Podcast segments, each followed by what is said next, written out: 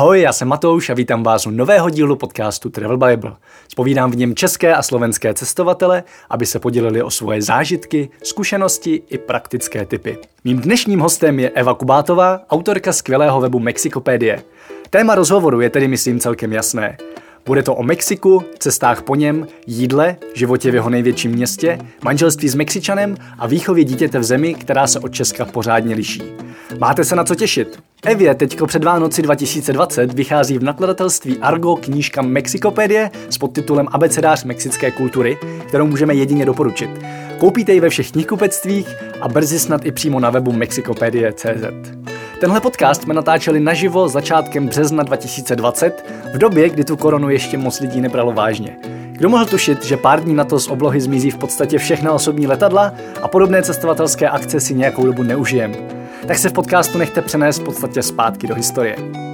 Odkazy a pár fotek najdete jako vždy na travelbible.cz lomeno podcast. Pojďme na to.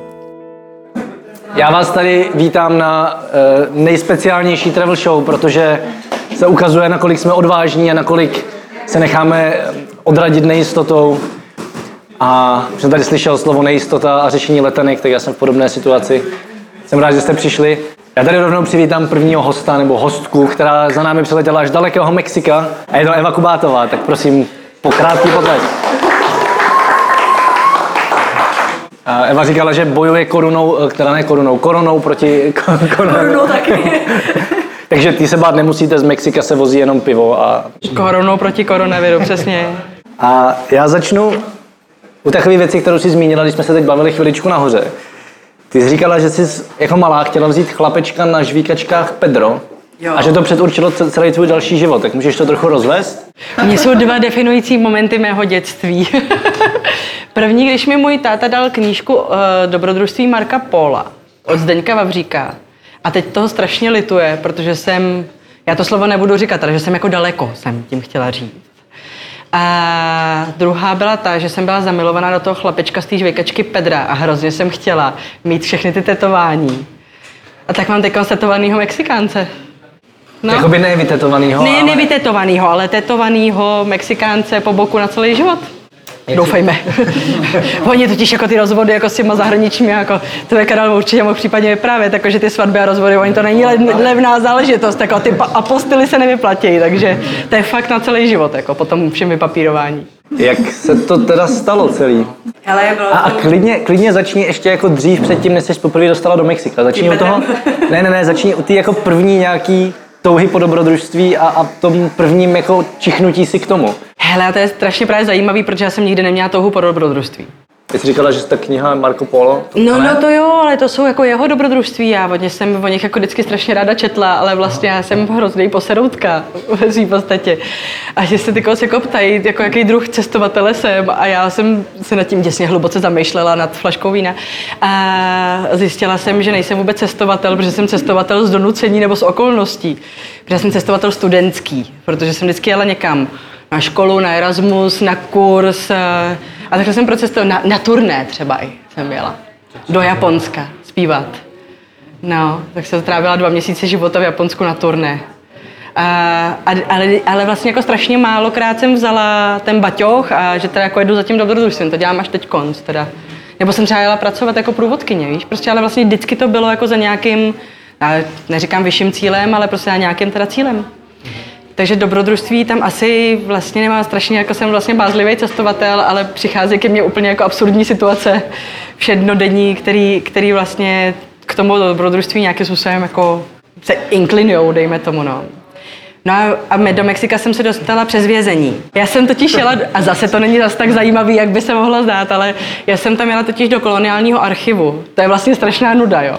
Ale ten koloniální archiv je totiž v původním vězení, což znamená, že prostě ty archiváři ti tam prostě vyndávají ty archiválie z toho 17. století z těch cel, udělá to a najednou se otevřou takový ty strašně těžký železný dveře, že jo. On je takové hvězdice, aby všude bylo vidět, to je něco jako takový malý Terezín prostě. Takový to jako úplně vojenský uspořádání toho prostoru. A otevřou si ty dveře a z toho ti prostě vyjede ten archiv, víš. Takže takže prostě tak, no. Takže se, to, bylo, to bylo moje první setkání s Mexikem vlastně. Takže to jako nebylo úplně jako, po Mexiku byla touha, jako nějaký, jako samozřejmě je to daleko, je to krásný, je to zajímavý, já jsem to studovala na, na doktorátu, takže mi vlastně přišlo jako vrcholně trapný dodělat doktorát a nikdy nebej v Latinské Americe, když děláš jako dějiny Latinské Ameriky. Takže jako mít to načtený je vlastně jako hloupý. Takže tak? Jak se tam poprvé cítila, když jsi přijela do Mexika jako první země Latinské Ameriky do vězení? Já jsem měla pocit, že mě hnedka na letišti okradou. Já jsem si tam úplně trapně začala dávat ten pas, prostě, protože pro mě to vlastně jako byla samostatná jako cesta. Já jsem toho procestovala sama i hodně, ale vlastně takhle daleko, sama poprvé a že teda jako tam, kam mi všichni říkali, že to děsně nebezpečný a tak a, a ty sama a to, to, co tam jako budeš dělat a pro, a pro boha je to dobrý jako nápad. Takže já jsem vlastně jako večer předtím byla úplně vybříkaná před tím odletem a na, na letišti jsem si tam takhle korvala do toho manibeltu čerstvě koupenýho, uh, nebo tenkrát vlastně ještě půjčený, že jsem ani vlastně neměla. Takže jsem tam rvala ten pás, protože jsem měla pocit, že mi někdo na tom letišti hnedka přeloží bouchačku k hlavě a něco se mi tam děsně stane.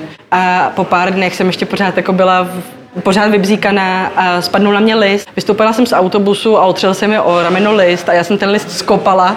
E, nikdo okolo nebyl, v horizontu asi jako deseti metrů, což v Mexiku se zase tak často nestává, protože tam jsou všude lidi. A já jsem ten list skopala, hrozně jsem křičela o pomoc, že mě někdo přepadá.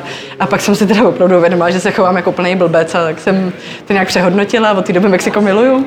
Jak to teda potom pokračovalo? Ty jsi byla v Mexiku jednou na nějaký studijní cestě a teď tam najednou žiješ Máš tam manžela, máš tam s ním dítě, teda nevím, jestli s ním, ale máš tam dítě. To on si taky myslí, že to s ním, takže to dobrý, jako je všechno to tak, jako, tak jak je to v pořádku. Hele, otěhotněla jsem den po, po návratu po šesti týdnech ze Střední Ameriky a porodila jsem o měsíc dřív, takže do teďka si to myslíš, že je to v pohodě. Ale vždycky, když ho chci naštvat, tak říkám naší dceři jako ty moje malé Honduras čátko, nebo ty moje malá panamko a tak, takže jako, což jako to latino ego jako hrozně jako urve úplně nejvíc. Takže vy jste se potkali při té první tvojí jo, cestě? náhoda nad náhodou, prostě kamarád kamarádky, děsně nesympatický, hrozně mě chtěl v báru zbalit a na nějakých křtinách, byl tam opilej clown na těch křtinách. Mně se fakt dějí jako divné věci, prostě, já za to jako vůbec nemůžu, prostě, ale, ale tak to, to, k tomu patří. Po, po, po, tobě tady bude Karel, takže Aha. já myslím, že tady... Ne... Ono se to vyváží. No, prostě si tam sednul přes, přesně vedle mě ten macho alfa latino, prostě ten Mexičan a říkal, mám děsně rád literaturu. A já na něj úplně koukala a říkal jsem, no tak to je super informace, díky za ní. A on mi říkal, znáš Restreteho? Říkám, tak toho neznám. On říkal, to je takový ten autor, jako čilský, napsal to a to. Já na ně tak koukám, říkal, jo, a taky tohle, tohle, tohle. A on říkal, no to taky. Já říkám, tak ten se jmenuje Restrete, ale Reverta, není to Chilan, ale Španěl, tak já jdu pro tekilu. A pak už byla ruka v rukávě. Proč se tam teda rozhodla žít? Proč nejste v Čechách? Mexiko je strašně náročný. Cestovatelsky je skvělý, na žití bych ho asi nikomu nedoporučila, teda nejsem úplně nejlepší jako propagátor žití v Mexiku. Jsem propagátor cestování do Mexika, protože Mexiko je nejnádhernější a nejskvělejší země prostě na prázdniny. Sorry, budu konkurovat k Karlovi.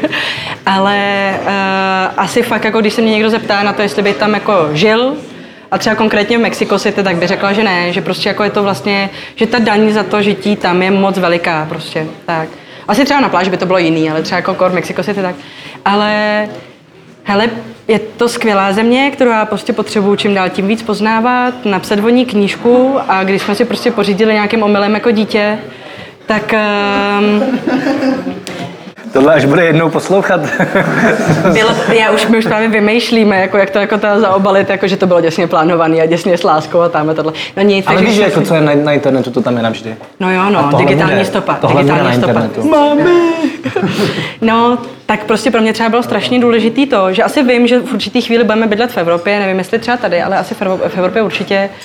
A třeba to bude v nějaké jako dohledné době, ale pro mě bylo strašně důležité, aby tam to Mexiko cítila z toho dětství, protože prostě to Mexiko se v tom dětství vnímá zase úplně jinak a ona z toho jako chytá nějaký svoje předpoklady do života a mně se to jako líbí že ona prostě nějakým způsobem jako projevuje nějaký sociální cítění, nemám vůbec jako srovnání, nějaký sociální cítění má jako český děti, ale prostě moje dítě mě překvapilo jako prostě před, těsně před odjezdem tím, že jsme šli parkem a, a ona říká, mami banán. Já mám banán. Mami penízky. Říkám, Maria, prostě pro živýho tak jí dám 10 pesos, ekvivalent asi 12 korun. A ona se sebrala a dala to tomu pánovi na té lavičce, protože jsem mi tři neděle předtím říkala, protože ona říkala, mami, co to je, co to je, že ve dvou letech. Si říká, to je pán, co nemá penízky a proto tím pádem nemá kde bydlet. A ona prostě jako po třech týdnech si to pamatuje a jde za ním. A mně se to jako líbí a nějak si jako naivně myslím nebo doufám, že, tam, že to je jako zásluha toho Mexika. Že třeba jako tohleto, a že nebude se cítit úplně vykořeněná, až jednou jako tam nebude žít, protože to na dlouhý žití jako asi z bezpečnostních důvodů třeba jako nevidím úplně. Ale na cestování nádhera. Tím bych to jako asi uzavřela, tuhle myšlenku. Dokážeš teda popsat ten život v Mexico City? Možná jenom jako popiš vůbec, co to je za město, protože to je jedno z největších měst světa.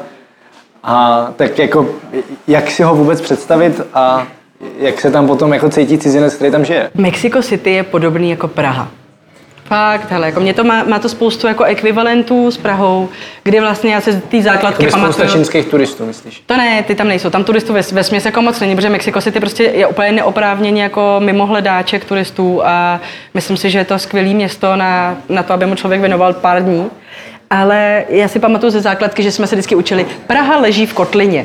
Ano, Mexico City také leží v kotlině, ale skoro ve dvou a půl kilometrech nad mořské vejšky, ale vlastně je obklopený sopkama, který když je jako vzácný den a není jako zase taková jako pollution a takový smog, tak jsou dokonce i vidět. Takže vlastně jako vždycky takhle otvírám ty dveře a tam koukám na ten Ista Seawattle, což je vlastně celoživotní láska, ta legenda nádherná. Teda o Popocatépetlu, my vlastně všichni známe Popocatépetl, ale nevíme, že Popocatépetl má vedle sebe teda v, rámci té legendy druhou sopku, která s ním vlastně souzní uh, a ty dvě sopky spolu vyprávějí příběh o nenaplněný, nehynoucí lásce. A když Popocatépetl vzdychne, právě vypustí nějakou nějaký, nějaký, nějaký ten sopečný prach a pokryje vlastně jako ty města kolem tím, tou vrstovou vrstečkou toho sopečného prachu, tak se právě říká, že Popocatépetl vzdychnul právě z té z neopětované lásky. Tak. Jsem si, že když vzdychne, tak ta druhá vybuchne, ale tak... To ona je nečinná právě, ona je mrtvá, ta druhá, to je právě jako ta legenda, víš. To je právě jako spící žena, se jí říká, ty jistá si Trochu bizarní legenda tím pádem. Hele, Mexiko je plný bizarních legend, ale já mám bizarní legendy jako strašně ráda, ale když se zamyslíš nad těma českými legendami, oni jsou úplně stejně bizarní, jo. Ale Mexiko se je strašně jako hektický, náročný na logistiku. Vlastně jako, že než jsem jako vůbec vpustila do, do svého života tu logistiku toho, že mám někam dojet v nějakou určitou hodinu a vždycky, když řeknu jako pojedu tam a tam, v tu a v tu hodinu, tak můj muž na mě vždycky jako vyvalí oči a řekne, to není prostě možný, to není proveditelný, protože tam padeš tři hodiny, protože prostě Mexičani jako standardně jako tráví třeba dvě hodiny cesty do práce, dvě hodiny cesty z práce, to je úplný standard, někdo i třeba tři, jo. Takže vlastně to město funguje na takovém jako severojižním směru, sever chudej, jich bohatý, generalizuju. Máte tam nějakou spojku, nějaký okruhy a vlastně ten chudej sever se ráno sebere a všechen namigruje na jich. Což znamená, že když chcete jet ráno již severním směrem, tak, jde, tak jedete easy, ale vlastně jako na ten jich se prostě jede blbě v tu hodinu. A vlastně je to úplně opačným směrem po pátý odpoledne. V Mexico City jsou zácpy standardní třeba v 10 večer. Já vždycky říkám, proč je zácpa? Říká, no to je zácpa, desetihodinová zácpa. Říkám, jaká deseti? Prostě jako v deset večer, prostě to je standardní zácpa. OK, ale vlastně to jsou jako lidi, kteří se prostě po práci zdrželi na pivo a potom jako si to veselé jako šírují prostě domů, zase tím jižně severním směrem prostě, takže to tak jako všichni migrují stejným směrem a tím, tím vlastně jako to Mexiko je strašně, Mexico City je vlastně strašně chaotický. Jak je teda velký, jakoby pro představu? Hele, velký pro představu, um, hele, v Mexiku jako žádný číslo není úplně relevantní. V Mexiku čas a čísla nejsou relevantní. Mexiko tak vlastně plus, do dneška... plus minus 5 milionů třeba. Ono jako 22 milionů lidí, na území, který není o mnoho větší než Praha. Protože vlastně to město se nemá kam rozrůstat, ono má prostě ty sopky, ty hory okolo sebe, takže vlastně, a pak už vlastně rovnou se přelejvá do toho středomexického kraje, já mu říkám Estado de Mexico, jako i středomexický kraj. Takže vlastně jako to město jako nemůže jako plynout, to město vlastně nemůže ani plynout do vejšky, Předtím vlastně, jak má jako nestabilní podloží, je to seismická zóna, eh, do toho vlastně bejvával to aztécký Tenochtitlan, takže plovoucí město. Že třeba, kdo jste byli, byli jste někdo někdy v Mexiku? Tak si, to je jasný, pojeď. tak třeba katedrála se prostě potápí, tak když přijdete do katedrály, tak se nám se fakt jako zatočí hlava, že jako jdete a fakt ten všechny mramor jako i naší šato, protože ono se to potápí do toho podloží, toho prapůvodního vlastně jako bahna, co je pod tím městem, toho původního plovoucího města. Že to vlastně... Takže to zní jako úplně ideální místo na život. Hele, je to skvělé místo na život. Vlastně všichni, Já jsem vlastně asi divná, nevím. Ale ono to, protože totiž, ono to totiž potom to město, ty nežiješ v tom městě, ty žiješ ve svojí čtvrti. Protože ty přesuny jsou tak strašně komplikovaný, že se ti vytvoří vesnička.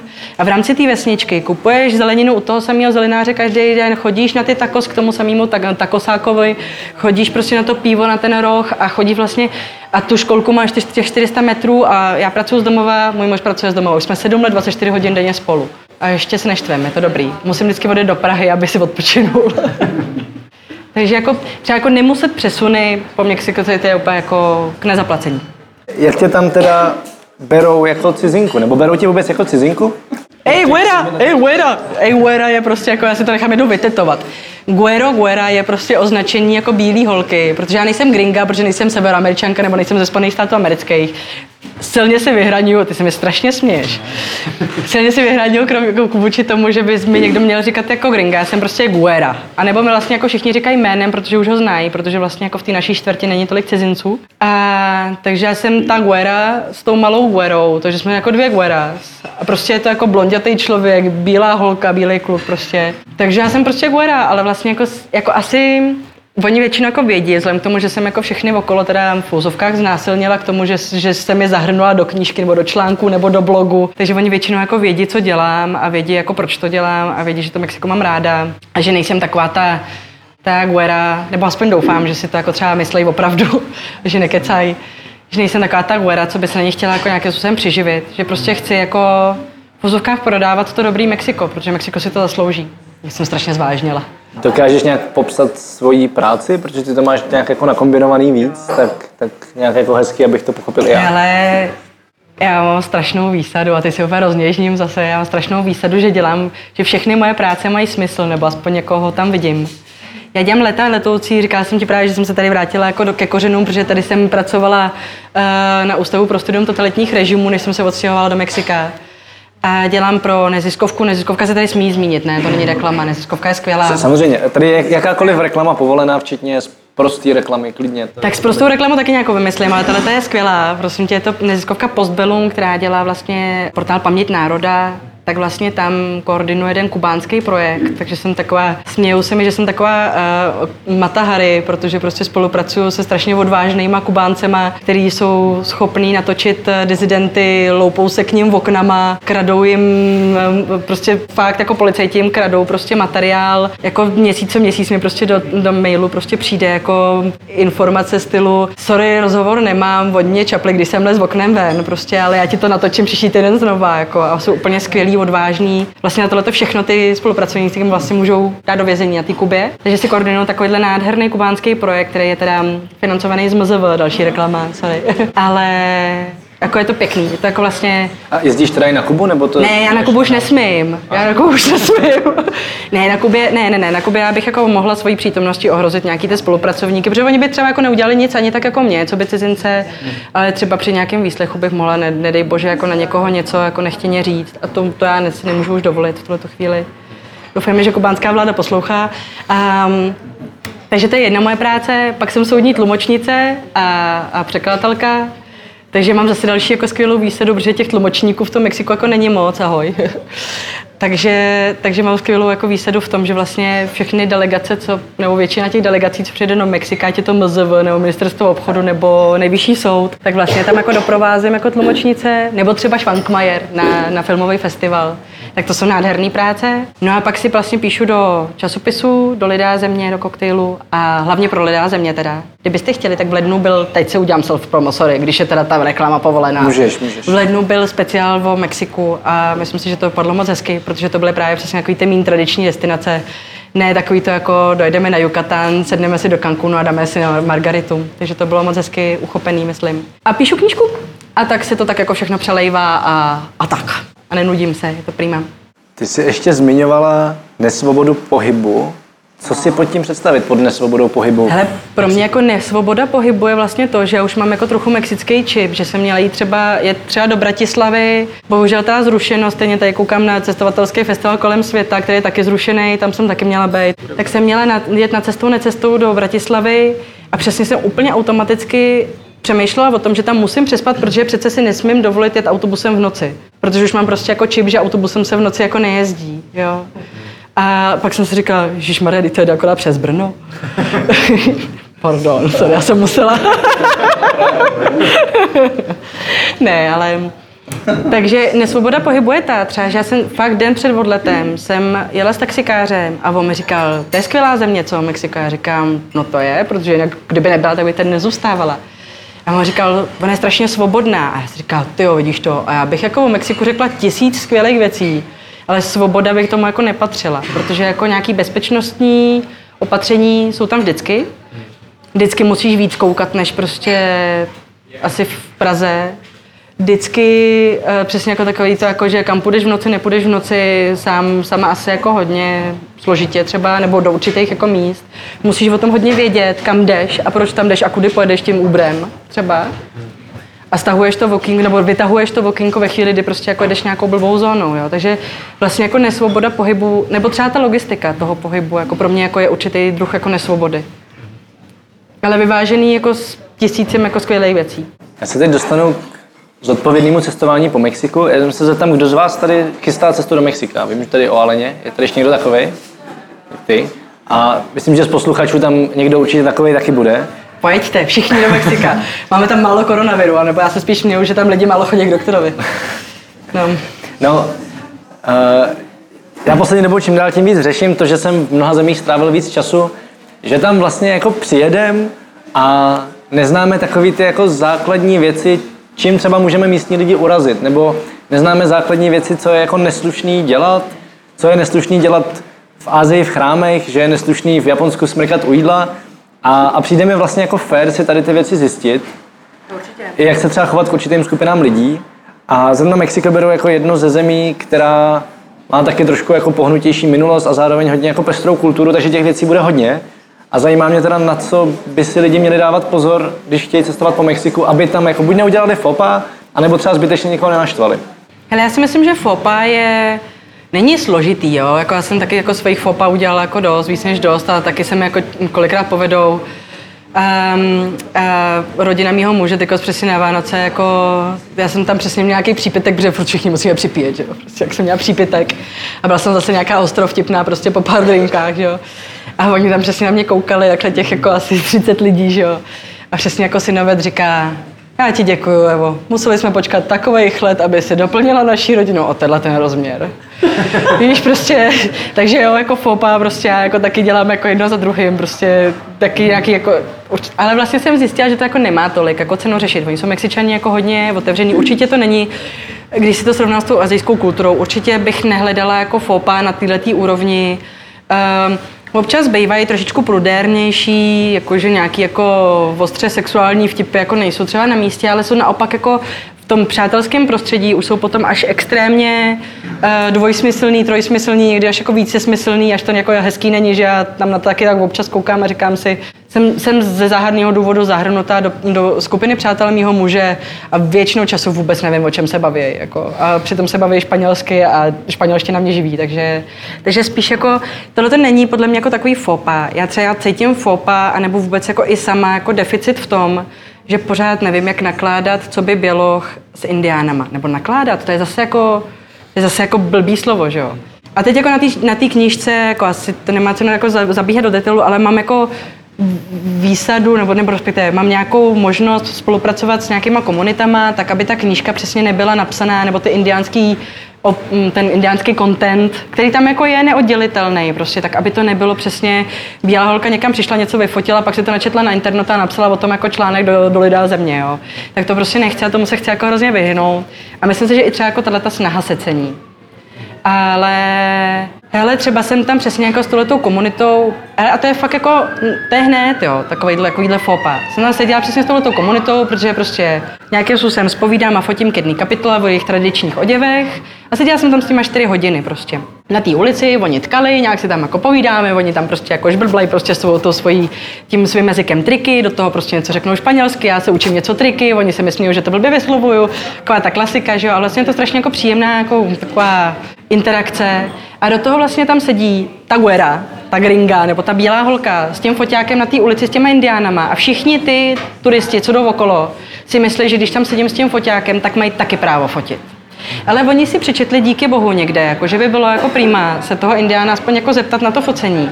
Ale takhle tam během těch 4 hodin proběhlo třeba jako 30. A tak si tam najednou jako sednul nějaký kluk, byl to řek, byl trochu divný, to nevadí. Ale sednul si tam mezi ty dvě indiánky, říkal špa, lamanou španělštinou, můžu pozorovat, což je vlastně strašně pěkný. Jo. On si vlastně, já jsem přesvědčená o tom, že on odjel zpátky do Řecka, přesvědčený o tom, že to udělal správně protože interagoval, protože jenom nefotil, protože vlastně vstoupil do toho kontaktu nějakého.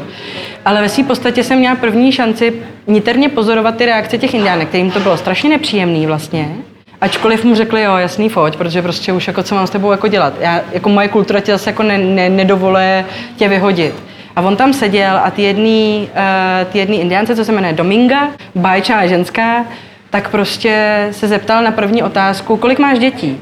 No ale blbý, Dominga žádný nemá a v její kultuře prostě, když nemáš děti, tak jsi nedostatečná ženská. Takže v tu chvíli všichni jak opařený, on to vůbec nepochopil a vlastně jako pokračoval s tou otázkou dál, protože si myslel, že interaguje. A vlastně já na tohle to nemám radu. Jo? To, jako není, to je jenom jako spíš takový, že jsem fakt přišla doma. Říkala jsem si, a kruci, teď já vlastně dělám jako to samý. Jo? A je to pro mě jako strašně složitý uchopit. Takže to je spíš jako jen takový povzdech, jako že tak ono to je citlivě. Spíš, tak, spíš prostě. o tom pozorování reakce a, a to trošku se zamýšlet nad tím, proč teda všichni najednou jsou jako pařený, že jo? Co jsem jakoby provedl. To prostě si myslím, jako, že když jsi ten turista, který je uchvácený svojí interakcí, vlastně to přestaneš vnímat, nebo nestíháš vlastně jako vnímat. Ale třeba jako, co se jako indiánských komunit týče, nebo etnik, tak si myslím, že třeba dobrá, dobrá rada, kterou chápu až s těma těma jako holkama, s touto interakcí a s touto spoluprací, je třeba jako tam přijít, protože oni prodávají z nutnosti spoustu věcí, které nedělají. Jo? Oni prostě prodávají pašminy z Indie, takhle ti na tom prostě věsí Made in China, ale ve své podstatě to nějaký úplně jako jiný design. A ty vlastně tam chodí ty turisti, kteří vlastně jako chtějí podpořit, ale nechtějí si koupit jako ten jejich výrobek, protože ten je jsem moc drahý, protože se dlouho vyráběl. Že? A tak si koupí jako něco, a teď vlastně se třeba zeptat, ukaž mi to, co si tady vyrobila ty. A oni to ukážou děsně rádi. Ale prostě nebudou to ty pašmíny z té Indie, protože ty jim vlastně jako do toho budgetu, do, toho, do těch financí nic moc jako nepřinesou. Ale strašně, strašně oceněj to, když ukaž mi z tohoto všeho pléna, jako co tady máš prostě výrobků textilních, co si vlastně, na co si sáhla ty, a ona, ona ti to strašně ráda poví, když prostě projevíš tenhle ten druh zájmu. A třeba si to koupíš. Tak. To je fair trade prostě pro mě takovej. Co ještě nějaké další věci, které by měl v Mexiku člověk mít na paměti? Dress code. Dress code. Žádný kraťasy a žádný uh, sandály. Fakt. Hele, úplně jako splynou s davem, je to strašně snadný, jsou to obyčejný džíny a jsou to obyčejný tenisky. Všichni Mexičani, já se vždycky směju, že vždycky, když říkám, sakra, doufám, že mě tady nikdo nikdy nepřepadne, protože abych na policajty šla, říkala bych, před, přepadně chlapík, ostříhaný nakrátko, asi takhle vysoký, s něčí pleti, eh, v černém tričku, modrých džínách a černých botech. Jo. A oni mi řekli, tak jo, tak takových je tady 22 milionů. Že jo. A já bych byla úplně v háji prostě. Jo. Což je jako sice taky stereotypně, jak, bl, jak, jak blázen vlastně, ale budíš mi jako tak dobru, že třeba můj muž nerozlišuje mezi Čechama a všichni mu přijdou stejný, což mi taky přijde jako zase jako... Ale to, to, to mám vždycky historku. Měl jsem podcast s Vojtou Lokshow, což je průvodce, který dělá průvodce v Číně, ale my se známe už ze školy, já jsem studoval kulturní studia Číny, stejně jako on. A on byl z nejvíc nepravděpodobně jako nepodobným Čechem společně v Číně. Jo, on, je, on je takový jako podsaditej, tmavší a ten druhý prostě vysoký modrovoký blondák, spíš jak kdyby vypadl od někud z Norska. Byli spolu v Číně a všichni se ptali, jestli jsou dvojčata. takže, takže já, já, tohle naprosto chápu. A, a taky, jako když se sám vezmu, když jsem poprvé byl v Tajsku, říkám, tady jsou všichni stejný. A dneska tam přijedu a říkám, jako já už rozeznávám celé jednotlivý tajský etnika dost v pohodě. A, a rozeznám prostě lidi na ulici. Ale ta první návštěva, já jsem měl potkat nějakého kamaráda, jsem ho jednou potkal přes Couchsurfing a měl jsem ho potkat znova někde na ulici v Bangkoku. Já si říkal, jak já ho poznám, že jo. Takže jako já jsem, tohleto, no. já jsem tohleto bohužel jako jednou dotunila tím, že jsem se teda jako na, když jsem došla na rande, tak jsem se hrnula k jinému, jo, tak to jsem ale nikdy nepřiznala a budu doufat, jako, že jeho čeština ještě nestačí na to, aby tohle pochopil. můžeš svést na alkohol. Že jo? Jo, já myslím, že... Všechno se dá svíst na alkohol, tak. Myslím, že jo. Ale pojď představit teda svoji knihu, co vlastně píšeš a, a proč jsi do toho pustila? Hele, to je zase další jako patos nad patos, ale prostě já mám pocit, jako, že Mexiko mi dalo sedm krásných let života, ještě nějaký jako dá. A jo, taky jsem, já jsem takovou na Travel Bible četla přesně jako ty, ty etapy, mi to přišlo úplně jak zadek na hrnec, neřeknu to jiný slovo. Uh, já nevím, co, o čem mluvíš. Protože jste měli takový článek o tom, kolika, kolika etapama si člověk no, projde ve chvíli, kdy někde jako žije. Kulturní šok, pak nějaká asimilace, pak vlastně nějaká třeba i určitá nenávist vůči té zemi, protože některé věci začnou krkat. A já jsem teď v takovém to, takový ty nádherný jako renesanci po sedmi letech. Kde prostě přesně u mě to byly třeba dva roky absolutní, jeho, jako, absolutní extáze, pak uh, takový jako rok, taková jako, tak jsem tady, tak jsem jasně hustá, už tady jako bydlím a je to super skvělý. Pak teda proběhly třeba jako rok, dva takového to sakra, ten trafik, tyjo, prostě zase se potřebuji někam dostat, jedu o hodinu dřív a stejně tam netrefím jako včas a, a taková tak určitá jako nemožnost jako ty věci jako splnit tak, jak by se jako byl zvyklý. A teď jsem vlastně úplně Mám renesanci, mám mexickou renesanci a to, to, za tu zemi úplně ještě možná jako víc božňuje, než na, tý, na tom začátku. A ty se stala něco úplně jiného. Na knížku jsem se Na knížku! Ježiš, má takový detail. Takže v té renesanci prostě fakt přišla jako přirozeně to, co jsme vymysleli nad pár flaškama vína kdysi dávno, že tady strašně chybí knížka, která by reflektovala to, jak je to v Mexiku jako vážně krásný a i se vším vlastně jako negativním, jo. Tak, uh, jsem, tak jsme vymysleli prostě abecedář, protože jsme vymysleli to, že není nic jiného, co by jako to jako reflektovalo v takové šíři. Takže máš 27 písmenek, a od každého písmenka máš něco. A jako agave, B jako brucheria, to je to mejdlo, po kterém se krásně osypeš, co jsem ti dala právě, ten dar nedar. Když tak pak můžeš tady zde přítomným po pár sklenkách jako vy, vy, ukázat. Předvést. Předvést, Co to se mnou udělá? Uh, jde jako dušičky, e, jako eskamoles, to jsou třeba mravenčí vajíčka, takže vlastně trocha gastra, trocha kultury, trocha něčeho, trocha cestování, trocha přírody. A vlastně začít na nějaký té bázi, co všichni jako o tom Mexiku víme, jo. Jedí se tam tacos, pije se tam tequila a vlastně povzníš to na to, co se z té tequily může stát a prostě... Třeba meskal. Třeba meskal a jestli do toho meskalu teda fakt patří ten červ nebo ne. A vlastně jako takovýhle jako otázky jsem si pokládala a bude to vlastně v listopadu, uh, vyjde to v listopadu u nakladatelství Argo. Uh, první díl podepisujeme smlouvu na jedna až pět dílů, takže snad jich třeba bude i pět někdy kdy zase vždycky prostě to se to odrazí, od, že to bude od A do Z a vždycky to bude o něčem jiným. Já vždycky říkám, že dokovat mi dvojitá V vystačí, protože ty jsou fakt složitý. Dokážeš trošku nějak popsat ty rozdíly mezi jednotlivými mexickými regionama, protože většina lidí si Mexiko představí jako jednu zemi, ještě, ještě většinou jako relativně malou zemi, což je hodně velký omyl. Mapa tam krásně zkresluje, jak má nad sebou Spojené státy a Kanadu a, a pod sebou vlastně jako rovníkový země, kde jsou sucnutý mapy, že jo? Ale ty oni ty rovníkové země jsou prostě přesně stejně velký jako ta naše, no. No, no, no právě. Ne, ale jako větší, větší, kolikrát, spíš no. i větší. Tak jenom, jakoby, jestli dokážeš trošku popsat, co všechno vlastně v Mexiku můžeš vidět, ať už z hlediska kulturního, tak z hlediska třeba přírody, protože tam vidím, že ta pestrost je obrovská. Je úplně všechno, jako fakt podle mě úplně všechno a já vždycky říkám, že na Mexiko jako jeden, jeden život nestačí. Že vlastně já se o to jako úspěšně snažím jako už sedm let, nebo více či méně úspěšně a myslím si, že se mi to nikdy nepovede. Ani nemám to jako tendenci jako si očkrtávat a byla jsem tam, tam, tam, tam, tam. Spíš se jako ráda vracím na určitý místa. Ale vlastně při severní hranici máš prostě poušť, ale ta poušť prostě jako přechází v úplně jako nádherný prostě útvary třeba roklovýho charakteru, a to nevím jako líp popsat. Pak máš uh, pak máš nádherný pláže, ale jako prostě jako nejenom vlastně, jako já řeknu hloupý Cancún, jo, ale prostě on fakt jako ten Cancún některým těm plážím, třeba těm tichomorským, nesahá fakt ani pokotníky.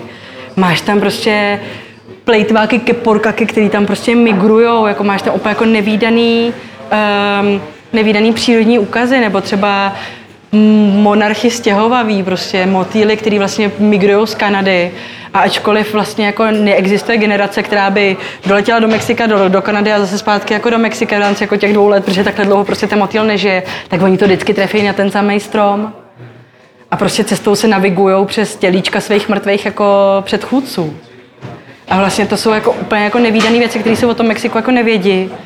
A a třeba jako motýly jsou prostě jako moje jako fakt velká vášeň, tam spousta uh, nádherný koloniální architektury, a samozřejmě pyramidy. Pyramidy prostě ty jsou jako nějakým způsobem jako zásadní, asi jako ikonický pro Mexiko, ale určitě je to jako víc než nějaký Teotihuacan, na který vždycky jako šplhá prostě tisíc turistů a na pyramidu slunce.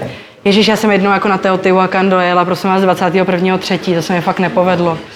prostě jarní rovnodennost a pyramida slunce byla obklopena příznivcema New Age, který tam načerpávali energii, prostě tam nebylo hnutí, jako. Ale pak, má, pak tam máš třeba prostě úplně uchvatnou jako ruta Půk, jako cesta Půk, což je prostě vlastně majský města byly uh, spojený jako úplně geniálním způsobem cest a systémem cest a vlastně jako jet třeba po těchto těch vlastně majských cestách na tom Yucatánu, tak jo, já vůbec jako se nevyhraňuji vůči jako Yucatánu, že to turismus byl, ale vlastně jako dojď do toho vnitrozemí, prostě poznej je vlastně jako tohleto a tam si sedneš na tu pyramidu prostě a vidíš ji při tom západu slunce. Je to úplně o něčím jiném, když, když, když prostě vidíš ty tuny těch turistů, co dělají, že sahají na špičku Čičen Ica. A teď tam prostě máš takhle jednoho, to máš jako v píze prostě. Všichni prostě dělají, že ji podpírají, tak prostě v Ica se všichni jako fotí, že ji mají v rukách, nebo že sahají na špičku.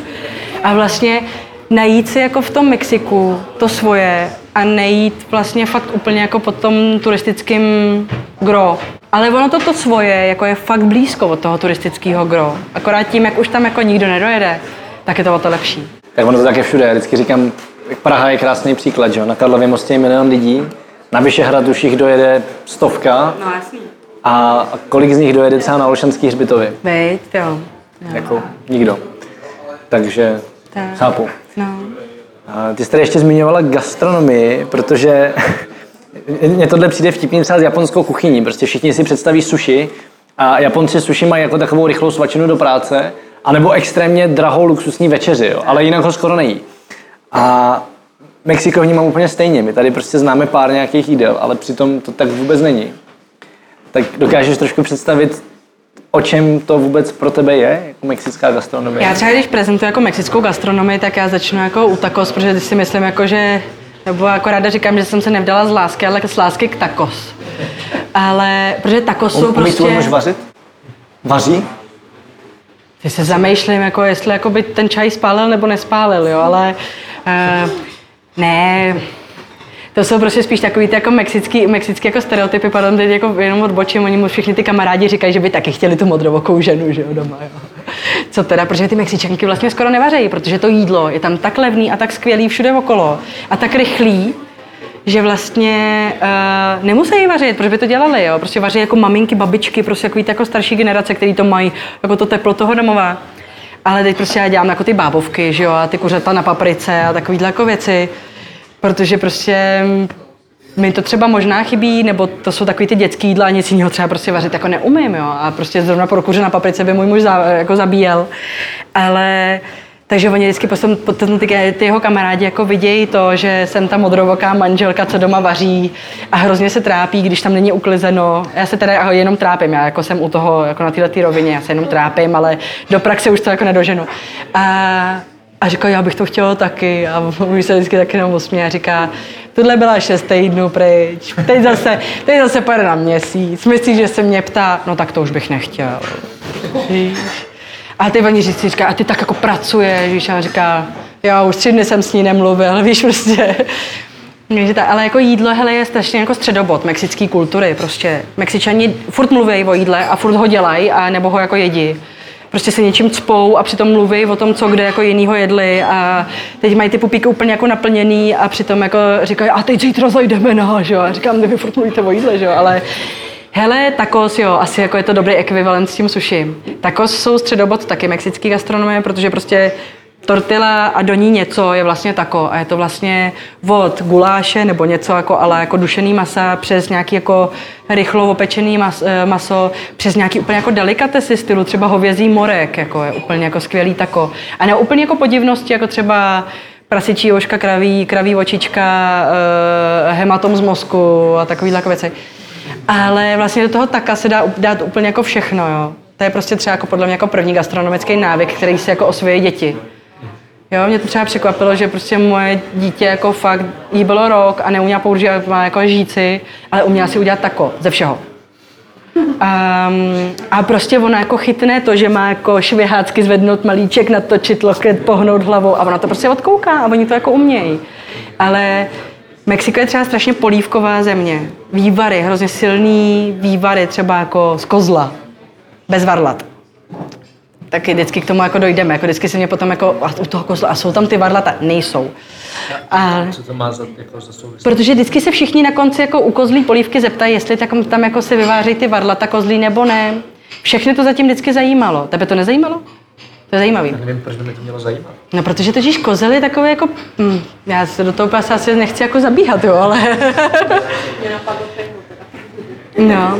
A nebo třeba prostě beraní vývar, to jsou jako strašné pochutiny a vlastně třeba se to tady úplně zas tak často jako nedělá v těch našich končinách, ale třeba dřív, dřív dělávalo, jako to jsou vlastně, není to jako nic zas tak speciálního, ale jsou to jako skvělý lehounce, pikantní chutě, silný vývar je super, jako to mám třeba strašně ráda. Jaký je teda tvoje nejoblíbenější mexický jídlo?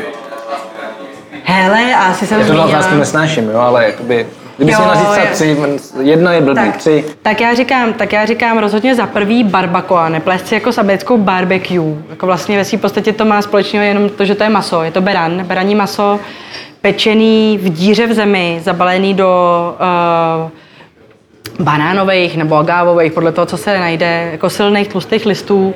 Je to úplně jemňonký maso, posypat cibulkou, koriandrem a udělat z toho tako, přesně. Ale k tomu jako třeba ten vývar s cizrnou, prostě úplně skvělá věc. Nebo třeba jsem teď tady zmínila jako tu, tu, tu kozlí polívku. Hele, pak prostě jako takos, jako jakýkoliv... Um, já mám třeba fakt jako ráda v poslední době jako tyhle ty třeba hovězí jako morek. Jako vařený hovězí morek, který potom jako opražíš, takový mexický foie gras.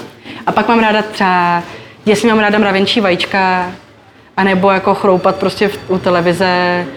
Já třeba na všechno ty dávám už jako leta jako limetku, limetku a, a salsu. Takovou tu, i co koupíte tady, jako klidně jako takovou tu ne úplně pikantní, ale prostě ne, hloupý chipsy s limetkou a se salsou prostě jsou jako chipsy úplně jinde. Jako. Já se přesunu k tomu, že cestuješ s dítětem, No. což prostě jakoby, my jsme začínali Travel Bibli, nikdo neměl děti, to vůbec nikoho nezajímalo a dneska prostě všichni najednou rodí děti a divím, se divím, že Karel prostě ještě, nevím teda, jestli náhodou...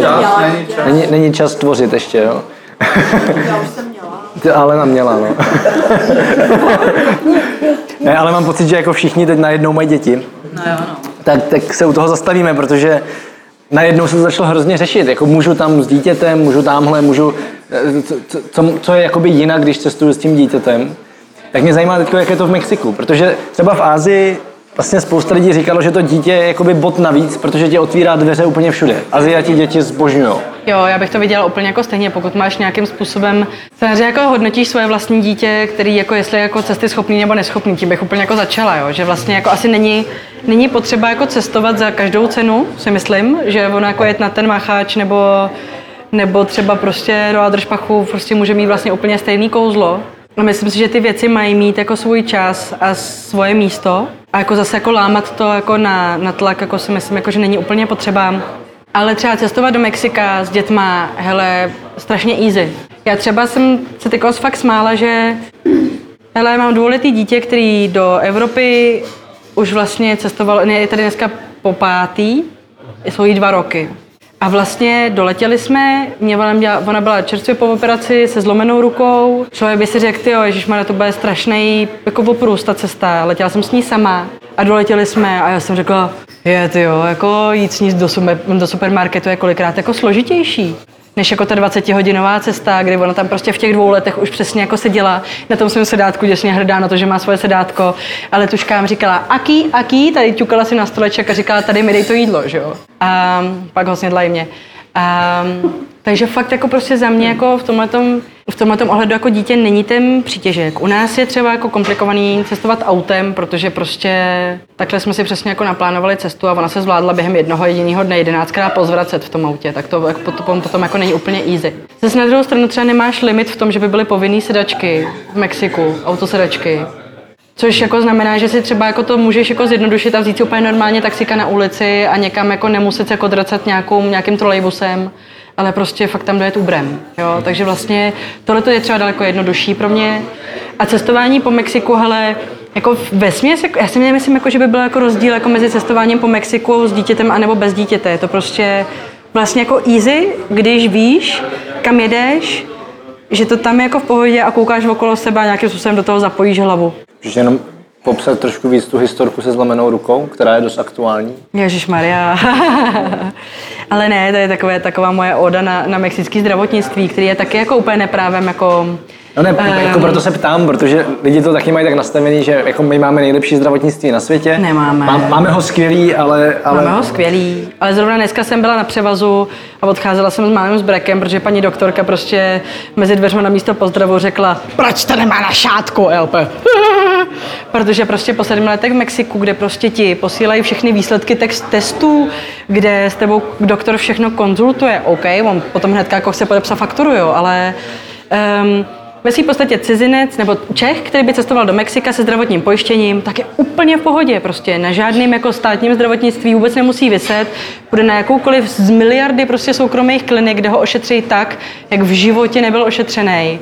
S takovou péčí, No a prostě malá se zrakvila 20 hodin před odletem, na sebe schodila židličku, otevřená třištivá zlomenina, v jednu v noci operovaná, ve dvě nás propustili, ve tři jsme byli na, na letišti, takže jsem si právě s Matošem dělala legraci, že... Ale jako jo, ty doktoři prostě říkali, že to je úplně v pohodě, tři doktoři řekli, že, že bez rizika a že v pohodě, že to nebyla zlomenina dlouhé kosti, tak jenom ať, ať na mě nepošlo sociálku pro boha. Ale uh, fakt to jako dala úplně jako nevýdaně, prostě tak, ale jako smála jsem se s Matoušem, že jsem uh, dotunila uh, koncept minimalistického turismu na nejvyšší možnou míru, protože jsem na měsíc přijela s tím, co jsem měla na sobě. Protože jsem nestihla vůbec nic zbalit. A, a jde to, že? A jde to, taky to jde, přesně. Já mám poslední dvě otázky za sebe a dám prostor vám. A ta první se vztahuje ke svatbě. Jej. Říkala, že jste, ji- že jste ji měli tady v Čechách, Jo, ale jo, že jste vzali Mexičany do Čech. To bylo velký. Můžeš trošku popsat svoji svatbu? Ježiš, a teď vůbec neudělám rodičům svým radost, protože oni z toho do dneška nejsou vůbec nadšený a oni si vlastně do dneška nemyslí, že jsme se vůbec jako vzali, jo. Protože bylo hrozně složitý a to asi možná jako Karel třeba nějakým, pot, nějakým způsobem potvrdí nebo vyvrátí, hrozně jako najít kompromis mezi dvěma odlišnýma kulturama. Díky bohu jsme jako neměli úplně jako na stole, že bychom potřebovali jako katolickou svatbu. Ale když si představ, že jsme my jsme se vlastně brali jako v období vrcholící takzvané migrační krize, kdy já jsem si zavolala pro nějakou radu na magistrát a tam mi paní řekla, no jo, slečinko, to máte tak, když se berete nějakýho migranta, máte si vzít ho- hodnýho českého kluka a to byste tohleto nemusela řešit. A já to zůstala úplně opařená. A já říkám, a, a, a, jako rozchánou. Takže vlastně jako nakonec jsme si jako dva ateisti fakt jako hodili svatbu s unitářským knězem. A bylo to úplně skvělý. A byly, bylo asi 14 členů teda jako mexické rodiny jsme přitáhli, protože z nějakého záhadného důvodu jsme prostě drapili strašně levné letenky. A úplně jsme těm Mexičanům, kteří umějí cestovat tak maximálně s s cestovkou, pokud, a oni jsou hodně pozerský, Mexičani, která zeměky ne, ale rádi cestují jako stylem, tak já na to mám, takže budu prostě ve stylu hotelu, já nevím, řeknu Holiday Inn, ale vlastně nějaký jako standardní jako francízový hotel, od kterého vlastně víš, co máš očekávat a my jsme vlastně jako nadspali do nějakého obyčejného penzionu a oni na to jako koukali, ale vlastně zjistili, že se dá cestovat jinak. No nic, ale svatba byla prosím tě v hospodě na terase, tam jsme se vzali, pak jsme to v tom sklípku samým vlastně nějak jako bouchli a, a bylo to super. A asi jako nejlíp to popsal právě jako synovec Pako. Sorry. Disculpa Pako. Promiň. On se právě tady jako ostentativně představoval a říkal, já jsem Francisco. že si náš synovec Francisco právě, já říkám náš, protože on je prostě i můj, on je skvělý. Tak Pako právě ke mně přišel o půlnoci a říkal, to je každou hodinou skvělejší, co nás ještě čeká, protože já jsem zpívala ve sboru, to jsem napůl provařila tím japonským turné, takže holky tam přesně udělali jako show jako v, v, v těch v moravských krojích a, a bylo to úplně jako velký a bylo to skvělý a hrozně se tancovalo a cymbálovka hrála mexickou muziku a bylo to super. Tak, fakt, jo, na to strašně ráda vzpomínám. Jak se tady cítili jako oni v rámci té české kultury? Nebo bavila No, jsi se o tom? Všechno bylo skvělé až do toho jednoho mýho kulturního kiksu, kdy strašně chtěli jít na, hote- na hokej a já o sportovém úplnou tušku. Takže jsem, a ona to byla Sparta proti Kometě Brno. A já jsem věděla, že jo, protože nejsem jako úplně blbá, že jo, tak jsem věděla, že ty ultras z té Sparty jako k těm tmavším pletím jako nemusí být úplně jako happy. No tak jsem nám koupila lístky do toho kotle té Komety Brno, no. Hele, my se tam takhle obsadili tu celou řadu a oni tam měli ty svoje choreografie. Hele, jako teď nevím ani, jestli to mám poloviny nebo třetiny ten hokej, jo, ale hodně rychle jsme to jako vysmahli do těch bočních jako zón. Protože přesně říkají, to je indiáni, prosím tě, nám to tady kazej, že jo. Tak to jsem se trochu bála. Říká jsem, tak kluci a holky, vysmahneme odsaď tady 20 minut před, eh, před koncem, já vám to prozradím, Sparta vyhraje, jo. Ale nepotřebujeme se potkat jako z ultras od komety, jako prostě cestou na metro, jo. Takže to, to byl takový jako můj kulturní kick, se oni do dneška ze mě lámou, teda co tam ta kometa Brno jako teda opravdu jako říkala o nich. A já říkám, že jim kazíme choreografii, protože já jsem to fakt nemohla říct, jako, jako tady nějaký indiáni nebo něco, jako to prostě nejde. Co tě život v Mexiku naučil? Ale když řeknu pokoře, tak to bude znít strašně jako nepokorně. Takže já si myslím, jako, že mě naučil asi nějakému jako úsměvu těm každodennostem. Víš, že, že vlastně je hrozně pěk, že, že je hrozně pěkný prostě si tak jako jenom žít a dělat jako ty věci jako správně, tak aby se jako na, za ničím jako nehnal. Ale to vůbec jako nemusí Můžeš znamenat... popsat nějakou konkrétní takovou situaci? Hele, já si myslím, že to je třeba ta knížka, která si prostě tak jako vyplynula a vlastně vyplynula ve správnou dobu. Možná, kdybych ji chtěla publikovat tady, tak už je třeba dávno na světě, ale možná bych s ní nebyla jako tak v pohodě s tím obsahem a s tím způsobem toho vzniku. Jako když si to na sebe jako počkalo a prostě si myslím, že ty věci se v tom Mexiku s nějakou trochou snahy dějou nějak jako takovým jako samopohybem, ale to neznamená, že se dějou později, ale že si myslím, jako, že, že tady, a já to Víc vidím v jen pohodě. jako víc v pohodě, že prostě jako to míň tlačíš před sebou, protože já si myslím, že dospěješ do toho samého bodu v ten, v tu samou chvíli, ale v tom český, v té české variantě prostě máš ten jazyk na vestě a v té mexické variantě prostě jsem takový hovníval, že tam tak jako točí tu svoji kuličku prostě a dotlačí do toho knihkupectví, víš, prostě a, a že si myslím, že to tak jako má být, protože ty věci mají mít svůj čas. Tak jo, já mám poslední dvě otázky. Jedna z nich je, kde tě lidi můžou sledovat, kdyby chtěli vidět víc a kde pak samozřejmě si koupí knihu. Hele, knihu si koupí na pultech knihkupectví, na pultech vašich dobrých knihkupců. Ale uh, kniha bude od listopadu, dejme to třeba říjen, listopad, listopad už určitě, že to bude předvánoční, všem doporučuji jako vánoční dárek krásný, bude to barevný, bude to skvělý a bude to, doufám, čtivý a zábavný. Ale přitom to bude mít jako ten dobrý základ. Já se toho historického základu nikdy nezbavím, že jenom jako prostě jsem iberoamerikanistka. Ho, ho, nějakým způsobem kovaná, ale um, můžu mě sledovat na blogu, který se jmenuje Mexikopedie, normálně sk, Mexikopedie. A stejně jmenuji Facebooku nebo Instagramu a každou středu je nový článek na Mexikopedii. Někdy o gastru, někdy o kultuře, někdy o podivnostech. A kdyby ti chtěl někdo napsat, tak co, co je ta nejlepší cesta? Je to mail, je to... úplně kudykoliv, jako na, na, na, webu normálně najdete, včetně telefonu, na, na e-mail, na e-mail zrovna jsme zjistili, že nám tady dneska jako s vaší šefredaktorkou prostě vzájemně jako nechodí, ale normálně tam máme i telefon třeba klidně prostě hoďte WhatsApp, celá Latinská Amerika funguje na WhatsAppech prostě zásadně a i diplomacie se řeší přes WhatsApp, takže všechno prostě přes WhatsApp ráda poradím, ráda pomůžu s jakýmkoliv typem, s jakoukoliv nejistotou, klidně i když byste měli nějaký průšvih. A Jako... nevíš, kolik lidí ten podcast pak poslouchá, jo? Teď se, teď jo. dostala úplně Já prostě nás jako... Nepište. Vy, co Ne. tady sedíte, vy můžete, ale ten zbytek... Kde budete prosím vás konzulárním případem, volejte rovnou konzulárku, protože je skvělá a úžasná a, a jsou to fakt skvělí lidi na správném místě, takže tam pomůžou líp než já, ale kdybyste chtěli nějaký tip, tak moc ráda. Tak jo, tak já mám závěrečnou otázku, kterou dávám všem. Pro Karla to bude spoiler, ale zkus si teďka představit, že by se vymazalo úplně všechno, co si kdy kde napsala, řekla, včetně celého tohohle rozhovoru a měla bys možnost předat světu jednu jedinou myšlenku. Tak co by to bylo? O, na tohle to se ptáš vždycky? Jo, tak to jsem se asi na ten, na ten konec nikdy nedohrabala. Ty bych byla připravenější. Nebo ne, jedinou- nepřipravený, to je lepší. Hele, to ale jako To tíhne, potom. to je tíhne fakt jako, mm, hele, v souvislosti s Mexikem bych řekla tři slova. Mexiko je láska, protože prostě pro mě je. A myslím si, že jako cestování, nějakým způsobem zodpovědný s otevřenou hlavou je jako láska ještě větší. I když se nepovažuji za cestovatelku. Tak. Tak jo, tak já moc děkuji za rozhovor. Já děkuji za pozvání, bylo to moc prima. Doufám, že jsem vás nevyděsila. Tak Eva Kubátová. Díky. Tak jo, připomínám, že odkazy a všechny další díly podcastu Travel Bible najdete na travelbible.cz lomeno podcast. A nezapomeňte si objednat svůj výtisk nové knížky Mexikopédie a neb abecedář mexické kultury. Říká se, že jeden život na poznání Mexika nestačí. Ale proč se o to aspoň nepokusit?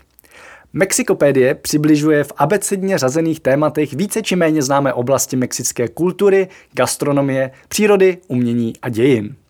Od úchvatné rostliny agáve, takže meskal, přes unikátní indiánské baroko, tajemné oslavy dušiček, mexickou patronku panu Marii Guadalupskou, tajemnou lakadonskou džungli, migrující motýly monarchy stěhovavé, božská takos, až po předkolumbovskou šperkařskou metodu ztraceného vosku. Vůbec nevím, co to je, ale určitě je to zajímavý. A spoustu, spoustu dalšího. To vše je doplněné barevnými ilustracemi a fotkami. Knížku koupíte ve všech knihkupectvích a já jenom hlásím, že tohle není placená reklama. Ta knížka je prostě boží. Zatím čau, cestujte a těším se v příštím dílu, snad dřív než zase za půl roku, naslyšenou. Tento podcast sponzorují božstva. A je jí hodně. Travel Bůh, Ježíš, Buddha, Shiva s Višnou, Alák s Akbarem, Dayak, Batak, Toreja, Asmat, Adonis, Apollo, Krteček, Artemis, Athena, Dionysus, Ferdam, Ravenec, Eos, Hermiona, Poseidon, Batman, Serena, Zeus, Indiana Jones, Loki, Tora, celá ta sebranka ze severu. Díky. Travel Bible je prostě boží. Ať si cestovatel začátečník nebo pokročilý, najdeš v ní hromadu typů, díky kterým bude tvoje chuť vyrazit posílena, volný čas prodloužen a náklady sníženy na minimum. Amen. E, teda letadlo. Co se v Travel Bible dočteš? Spoustu věcí. Třeba, že potřebuješ výrazně méně peněz, než se říká, a že už je asi i máš. Kde a jak sehnat ty nejlevnější letenky, kde bydlet a jíst, aby peníze na 14 dní pohodlně pokryly víc než měsíc. Jaké uzavřít pojištění, aby se nikdy nedostal do maléru. Jaký vybrat účet a kartu, abys nemusel za výběry zahraničí platit ani korunu. Zjistíš, jak chytře využít vlastní bydlení, komu svěřit psa, nebo jak uschovat své věci zatímco budeš na cestě. Přesvědčíme tě, že nemusíš hned končit v práci a přesto můžeš cestovat několik měsíců. Uvidíš, že můžeš jet sám a přitom se tak necítit. Naučíš se, jak putovat klidně půl roku s jedním baťohem, nebo jak všechno dostat jen do příručního zavazadla. Ukážeme ti taky, jak a kde si zahraničí přivydělat, jak psát cestovatelský blog, nebo jak pracovat na dálku. To všechno a ještě mnohem víc se dočteš v knize. Ještě si tu? Tak šup na travelbible.cz, travelbible.cz a potkáme se na cestách, protože cestování je prostě boží. boží.